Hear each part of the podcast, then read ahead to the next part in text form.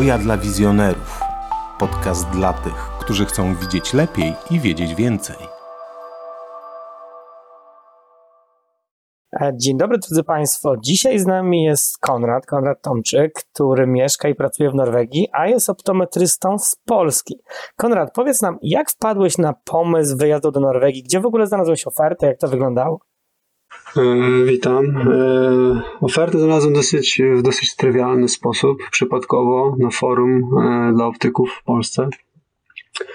Co prawda wysłałem, wysłałem aplikację raczej badawczą i nie wierząc w to, że cokolwiek z tego się uda wykroić. No ale Odpowiedź przyszła w ciągu niespełna doby, także zrozumiałem, że to jest dosyć poważna oferta, no, bo i potem poprzez e, proces rekrutacji paroetapowy e, no, za, zakwalifikowano mnie do tej pracy. Co prawda szukałem, nigdy, nigdy nawet nie, nie marzyłem o pracy w Norwegii, z racji tego, że to jest bardziej zamknięty rynek niż na przykład szwedzki. No ale no, akurat udało się, także, także, także miałem szczęście. Świetnie, pamiętam, że nawet zakładaliśmy się, czy, czy uda Ci się ta rekrutacja, czy nie. A może powiesz nam, jak przebiegała ta Twoja rekrutacja, jak to długo trwało i jak wyglądał ten model rekrutacji? Czy musiałeś gdzieś jeździć, czy rozmowy były online, jak to wyglądało?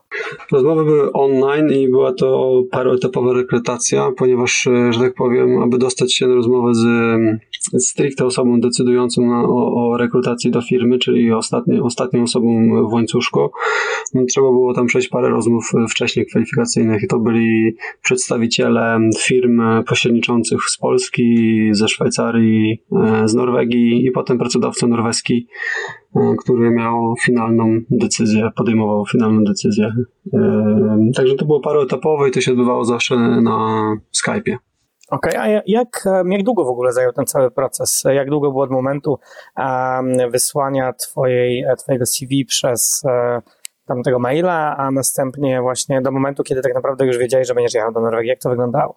Od momentu wysłania maila aż do momentu, że tak powiem, wyjazdu do Norwegii to minęły tak naprawdę prawie dwa, nie, już nie pamiętam, czy nie więcej niż dwa lata, bo sytuacja była na tyle złożona, że aplika moja aplikacja, znaczy ja byłem dosyć szybko zakwalifikowany e, do pracy w Norwegii przez pracodawcę, ale późniejsze kompletowanie dokumentów, dokumentów z uniwersytetu, dokumentów e, z różnych urzędów i później wysyłanie ich do odpowiednich urzędów e, w Norwegii to trwało miesiącami, a jeszcze więcej trwało oczekiwanie na ich decyzję. Z racji, z racji jakichś tam, z racji różnic programowych e, kształcenia optometrystów, optyków w Polsce i w Norwegii. Te decyzje zostały, były cały czas odkładane w czasie. Były już momenty, kiedy myślałem, że po prostu zrezygnuję z tego, bo już y, życie było w pełnym zawieszeniu. Y, życie w Polsce było w pełnym zawieszeniu w oczekiwaniu tę pracę, to się cały czas odciągało, no ale ostatecznie osoby decyzyjne w Norwegii, w urzędach zdecydowały, że, do, że dostanę pozwolenie na pracę na czas określony, dwuletni. W czasie tych dwóch lat pracy i praktyk musiałem z, zniwelować różnice programowe. A jedyną różnicą programową było po prostu stosowanie medykamentów w, w praktyce optometrycznej. Właśnie o to chciałem zapytać, bo tak naprawdę jesteś jednym z pierwszych, jak pierwszym optometrystą z Polski, który dokonał pełnej nostryfikacji dyplomu i pewnie stąd tak długi e, proces rekrutacji. A jak to dokładnie wyglądało? Czy musiałeś ukończyć jakieś kursy w Polsce, czy może w Norwegii? Kurs, e, tak, kurs jest taki specjalny kurs z Norwegii na Uniwersytecie w Kongsberg, który jest jedynym miejscem, które szkoli optometrystów na poziomie wyższym w Norwegii. I mm, oni, oni yy, organizują takie kursy dla mm, optometrystów z innych krajów, e, jak i również dla optometrystów albo optyków starszej daty w Norwegii, którzy tego, którzy kończyli studia, a jeszcze wtedy tego kursu nie było. I to jest kurs, za który się tam płaci jakieś określone pieniądze, to jest parę spotkań weekendowych, mm, jest e, praktyka, jest teoria i to jest tak, tak po prostu dorobienie pewnego tematu na studiach, ze studiów, którego brakuje. Także byłem tam ja, byli tam inni ludzie, inni optometryści, byli tam norwescy optometryści, optycy. Te kursy się odbywają chyba dwa razy do roku, mm, kończą się egzaminem i po, po zdaniu tego egzaminu dostałem informację od urzędu e, e, norweskiego, że moja licencja na optyka e, właśnie została przedłużona do czasu nieokreślonego, na czas nieokreślony. No to oprócz um, tych stosowania medykamentów, możliwości atropienizacji. Jakie są, e, o czym już wspomniałeś, jakie są główne różnice optometrii w Norwegii i w Polsce? Czy nawet model pracy wygląda tak samo, czy, czy zupełnie inaczej niż u nas?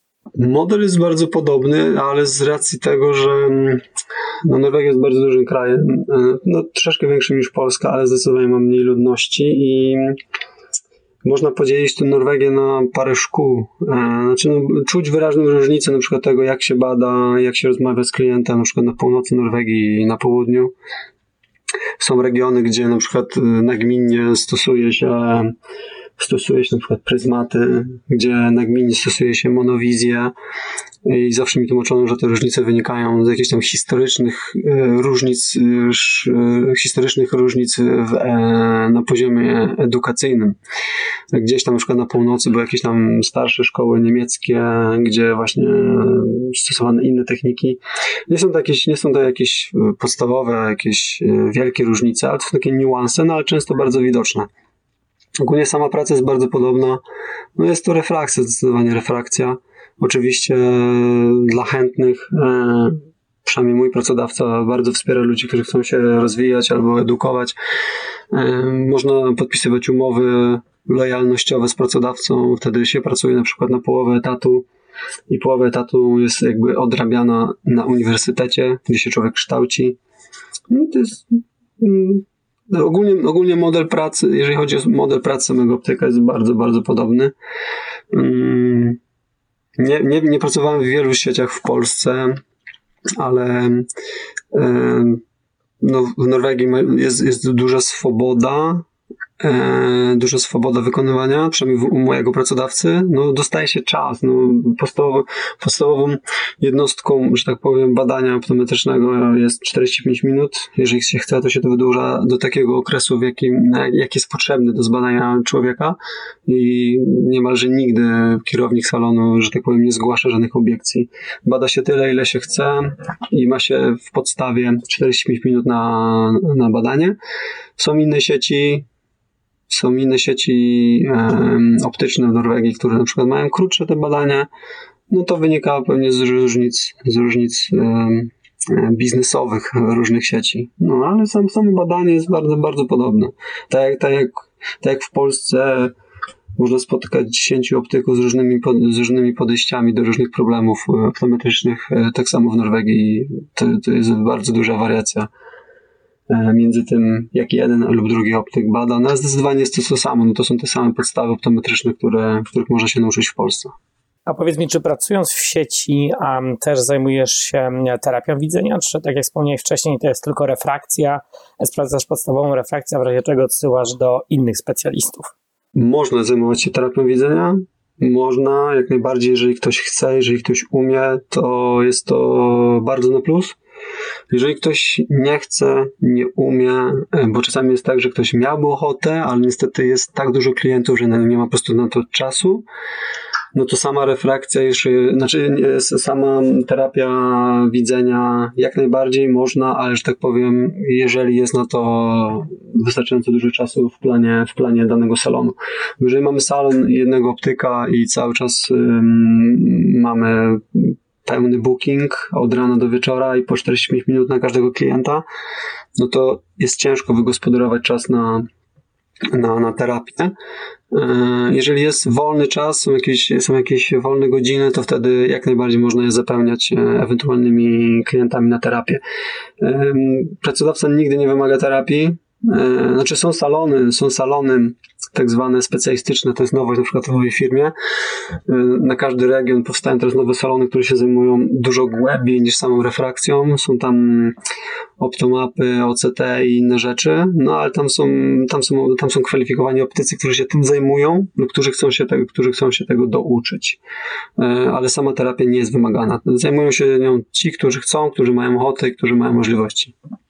Czyli potencjalnie nawet możesz się douczyć też i rozwijać w kierunku innych dziedzin e, optyki optometrii. Tak, oczywiście. Co prawda, co prawda, no, mm, mankamentem jest to, że mm, w mojej firmie, która jest największą, największym pracodawcą i największym posiadaczem salonów optycznych w Norwegii, jest chyba tylko jeden salon, czy dwa salony, które, że tak powiem, służą treningiem dla innych optyków w zakresie terapii widzenia. Tam można jechać, doszkolić się, jeżeli jest czas, jeżeli jest możliwość i pozwolenie od e, władz e, firmy.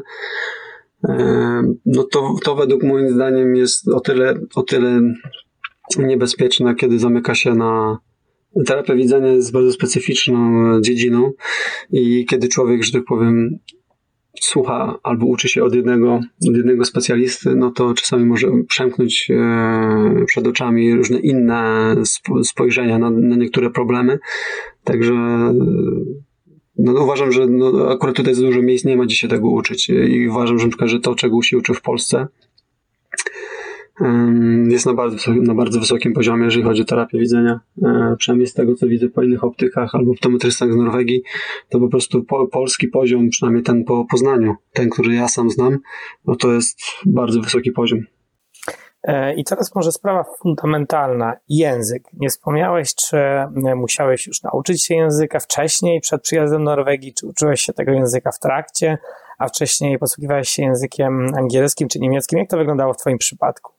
Wcześniej umiałem tylko i wyłącznie, znaczy posługiwałem się tylko angielskim na poziomie tak naprawdę średnim, komunikatywnym.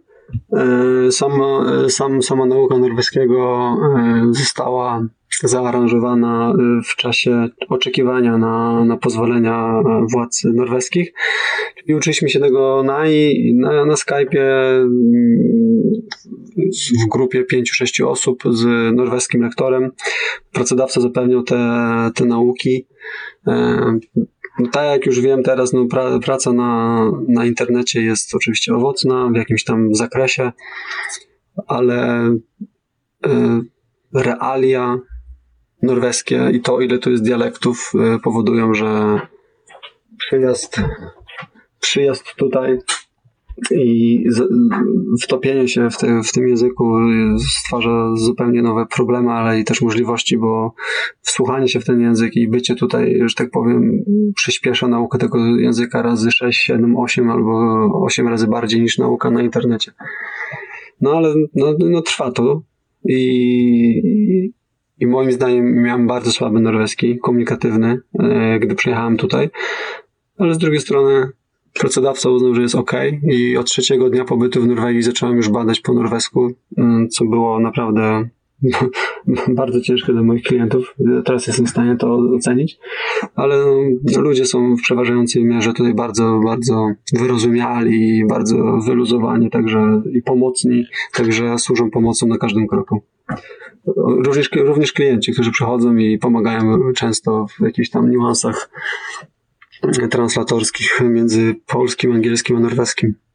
Czyli można też powiedzieć, że trochę praca jest spokojniejsza. Jak to wygląda? W tygodniu masz tyle samo godzin pracy, co w Polsce, czy mniej, czy może więcej? Ponownie bardzo dużo zależy te, od tego. Ogólnie no, nie da się przekroczyć, nie da się przekroczyć 37,5 godziny tygodniowo e, w pracy. Czyli to wychodzi no, troszeczkę mniej niż w Polsce. Mój pracodawca bardzo przestrzega tego, żeby nie było nadgodzin. E, ogólnie mentalność norweska jest taka, że nadgodziny są niemile widziane, są raczej, raczej, raczej dawane wtedy, kiedy tylko wymaga tego jakaś szczególna sytuacja.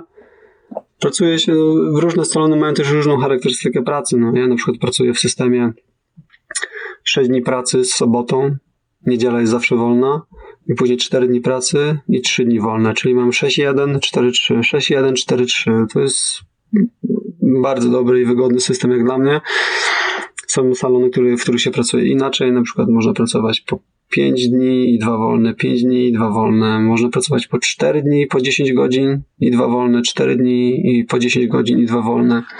Różnie, różnie to bywa, różne, różne są rozwiązania. Wszystko zależy tego od jak, jak się jak się porozumiemy z, mm, z kierownikiem salonu tak naprawdę, bo on jest decyzyjny.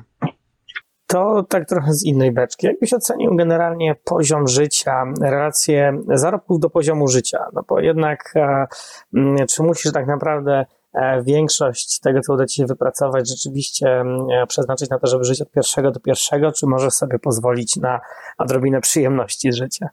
Co prawda pracuję tu już od 5-6 lat i nie mam zbytnio ręki na pulsie, jak się zmienimy płacę regularnego optometrysty w Polsce, e, ale z tego, co rozmawiam ze znajomymi, to po 5-6 latach jestem w stanie określić mniej więcej taką zależność, iż to przynajmniej ja, znaczy wiadomo, wiadomo że, że, że moja ocena e, może się różnić od oceny innych ludzi, bo różni ludzie inaczej żyją, różnie wydają miesięcznie na, na jedzenie, na inne rzeczy, na utrzymanie. No to się może bardzo różnić od jednego do drugiego osobnika czy przypadku. Ale przynajmniej w moim przypadku było tak, że po dwóch, trzech latach pracy tutaj zauważyłem, że to, ile ja mogę odłożyć miesięcznie, że tak powiem, do skarbonki, to jest dokładnie tyle, ile zarabiałem netto w Polsce miesięcznie. Także to daje jakiś, to daje jakiś ogląd sytuacji. Mm, na pewno, na pewno nie poleciłbym nigdy nikomu szczerze wyjazdu do Norwegii, Szwecji czy innego kraju północnego, e, żeby zarobić, o ile nie lubi się takich klimatów, w sensie północnych. Bo ponieważ te różnice między zarobkami i utrzymaniem już teraz się już tak, tak zamazały, że naprawdę mm, tu nie ma, nie ma po prostu sensu się męczyć e, w klimacie północnym dla tych, dla tego jednego, czy dwóch, czy trzech tysięcy złotych więcej miesięcznie, bo jest to niewarte, nie, nie warte tych pieniędzy. E, zresztą kiedyś miałem tam udział w, w, w, procesach rekrutacji innych optyków e, z Polski i odpowiadałem im szczerze, że po prostu jeżeli ktoś pre, preferuje klimaty południowe na wakacje i nie ciągnie go do północy i, i uważa, że nie jest tu fajnie nawet spędzać wakacje, no to tym bardziej na pewno nie jest tu fajnie żyć dla takiej osoby i zdecydowanie odradzałem takie, takie wyjazdy, żeby tylko się nie męczyć. Życie jest za krótkie, żeby się męczyć. Ja, ja zawsze chciałem spróbować północy, Przyjechałem tutaj i jest, jest bardzo dobrze. Jest bardzo dobrze. I nie tylko w sensie materialnym, materialne, tak jak mówię, różnice się zamazują coraz, coraz bardziej między Polską a Norwegią, również też z powodu słabej korony, ale samo życie jest o wiele spokojniejsze. No, tak mi się wydaje. Czyli to, co też e, mówiłeś wielokrotnie, jak rozmawialiśmy prywatnie, raczej odradzasz model przyjechać na dorobek i wracać do Polski. Raczej byłoby to trudne. Tak, zdecydowanie. To, to mm, myślę, że te czasy, kiedy się zarabiało krocie na wyjazdach jakichś, to już się skończyły. Co prawda nadal to ma jakiś sens dla ludzi, którzy przyjeżdżają na pracę sezonową i na przykład nie płacą tutaj podatku, bo są zwolnieni z podatku. Jeżeli ktoś przyjedzie na pracę sezonową, jest jakimś studentem albo początkującym pracownikiem i zarobił y, tutaj kwota wolna od podatku to jest 50 tysięcy koron. Jeżeli ktoś przyjedzie na 2 czy 3 miesiące, mam takich znajomych w różnych branżach i ktoś potrafi sobie w 2 czy 3 miesiące zarobić 40-45 tysięcy koron, e, no to ma później dosyć duży, e, duży budżet na, na, na wakacje czy coś. No to to wiadomo, to zawsze się będzie kojarzyło z Norwegią jako dobrym zarobkiem. No ale całkiem co innego Całkiem co innego jest, kiedy zaczynamy tutaj żyć, e, zaczynamy płacić. E, no, Norwegia jest bardzo drogim krajem, jeżeli chodzi o różne wydatki, ale też żyje, żyje się inaczej. No, za, za, za tą średnią płacę norweską pra, płaca e, czy zarobki optyka są tak nawet poniżej średniej norweskiej. Za taką kwotę można tutaj spokojnie żyć, odkładać sobie i, i myśleć o emeryturze. No dobrze, no to skoro już um, wiemy, że masz troszkę tego więcej tego wolnego czasu, twój system pracy, możesz um, coś tam dla siebie dołożyć, to powiedz mi, jak korzystasz z tej Norwegii? Czym zajmujesz się w wolnym czasie? Dopóki, dopóki nie miałem kontuzji nogi, to dosyć często, dosyć często chodziliśmy e, z moją dziewczyną po górach spędzaliśmy czas e, w takim modelu typowo norweskim, czyli Friluftsliv, czyli życie na wolnym powietrzu. Nie działo się to bardzo często, ale przy, przy, do, przy dobrej pogodzie i przy czasie, kiedy mieliśmy wolny razem, bardzo często byliśmy poza miastem. Zresztą w Norwegii jest to bardzo, bardzo łatwe, ponieważ nawet największe miasta jak Trondheim, Bergen, Oslo czy Stavanger pół godziny i jesteśmy naprawdę zupełnie dziczy. Zdecydowanie najpiękniejsze w Norwegii jest to, że można tutaj odjechać od miasta pół godziny, już można w ogóle nie spotkać ludzi. Co jest niemalże niewykonalne w Polsce w czasie letnim czy nawet zimowym. Teraz ostatnio zdecydowaliśmy się zakupić tak zwaną hyttę, czyli chatę w lesie, czyli dużo czasu spędzamy właśnie w tej chacie w lesie, gdzie jesteśmy, jesteśmy totalnie odizolowani od społeczeństwa i, i przysparza nam to wielu przyjemności. E, mówiłeś, że w Norwegii jesteś już 5-6 lat. Czy masz pomysły na powrót do Polski, czy jednak um, wolisz e, zostać? Pamiętam, jak jeszcze kilka lat temu rozmawialiśmy, gdzie a, tak zastanawiałeś się, w którą stronę to wszystko pójdzie. A jak um, wygląda teraz sytuacja? No moja decyzja jest, e, że wiadomo, życie się zmienia ciągle, cały czas jest płynnym, płynną substancją, e, ale jeżeli miałbym teraz podejmować decyzję, to myślę, że są bardzo małe, nikłe szanse, żebym wrócił do Polski. E, no, są, jest, to, jest, jest to pewien zbiór różnych powodów rodzinnych, społecznych, finansowych, politycznych. E, żaden z tych, żaden z tych, z tych cząstkowych elementów, które przed chwilą wymieniłem, nie jest na plus w Polsce.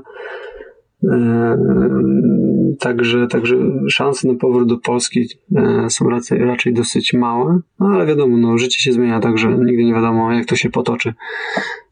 Niemniej, niemniej na północy, nawet, nawet rozważaliśmy no może, może nie rozważaliśmy, ale czasami chodzi nam po głowie z moją dziewczyną na przykład przeprowadzić się może trochę bardziej na północ. Byliśmy w Tromso parę razy, no jest to zupełna, zupełna piękna dzicz. Chociaż boimy się, że tam za dużo byśmy nie wytrzymali. Może to już jest jednak trochę za daleko. No ale jak widać, e, nasze umysły raczej są bardziej skierowane raczej na północ niż na, niż, niż na, niż na południe. E, no i jednak sytuacja geopolityczna w Polsce jednak nie, nie nakłania do jakichkolwiek rozważań do powrotu tam. E, no to wspominasz, że e, można powiedzieć dla osób, którzy uwielbiają północ, jest Norwegia dobrym miejscem, dobrą destynacją.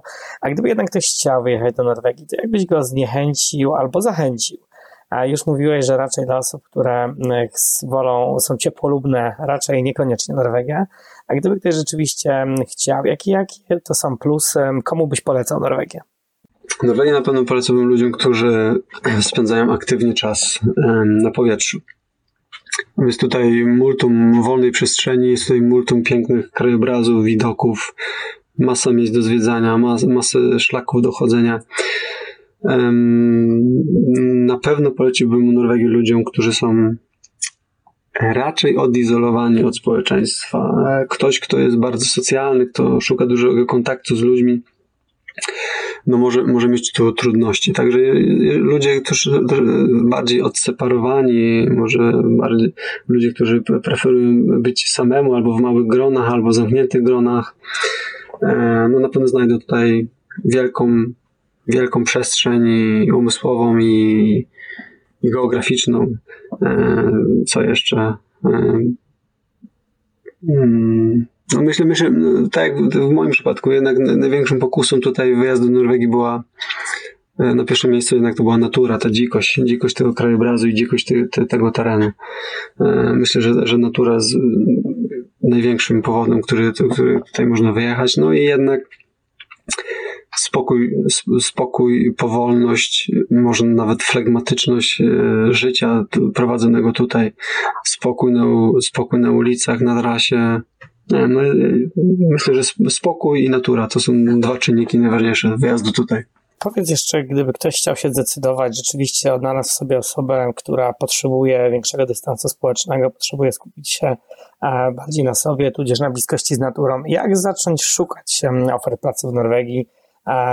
gdzie najlepiej? Podejrzewam, że internet. Może masz jakieś konkretne strony, konkretne adresy, które mógłbyś polecić?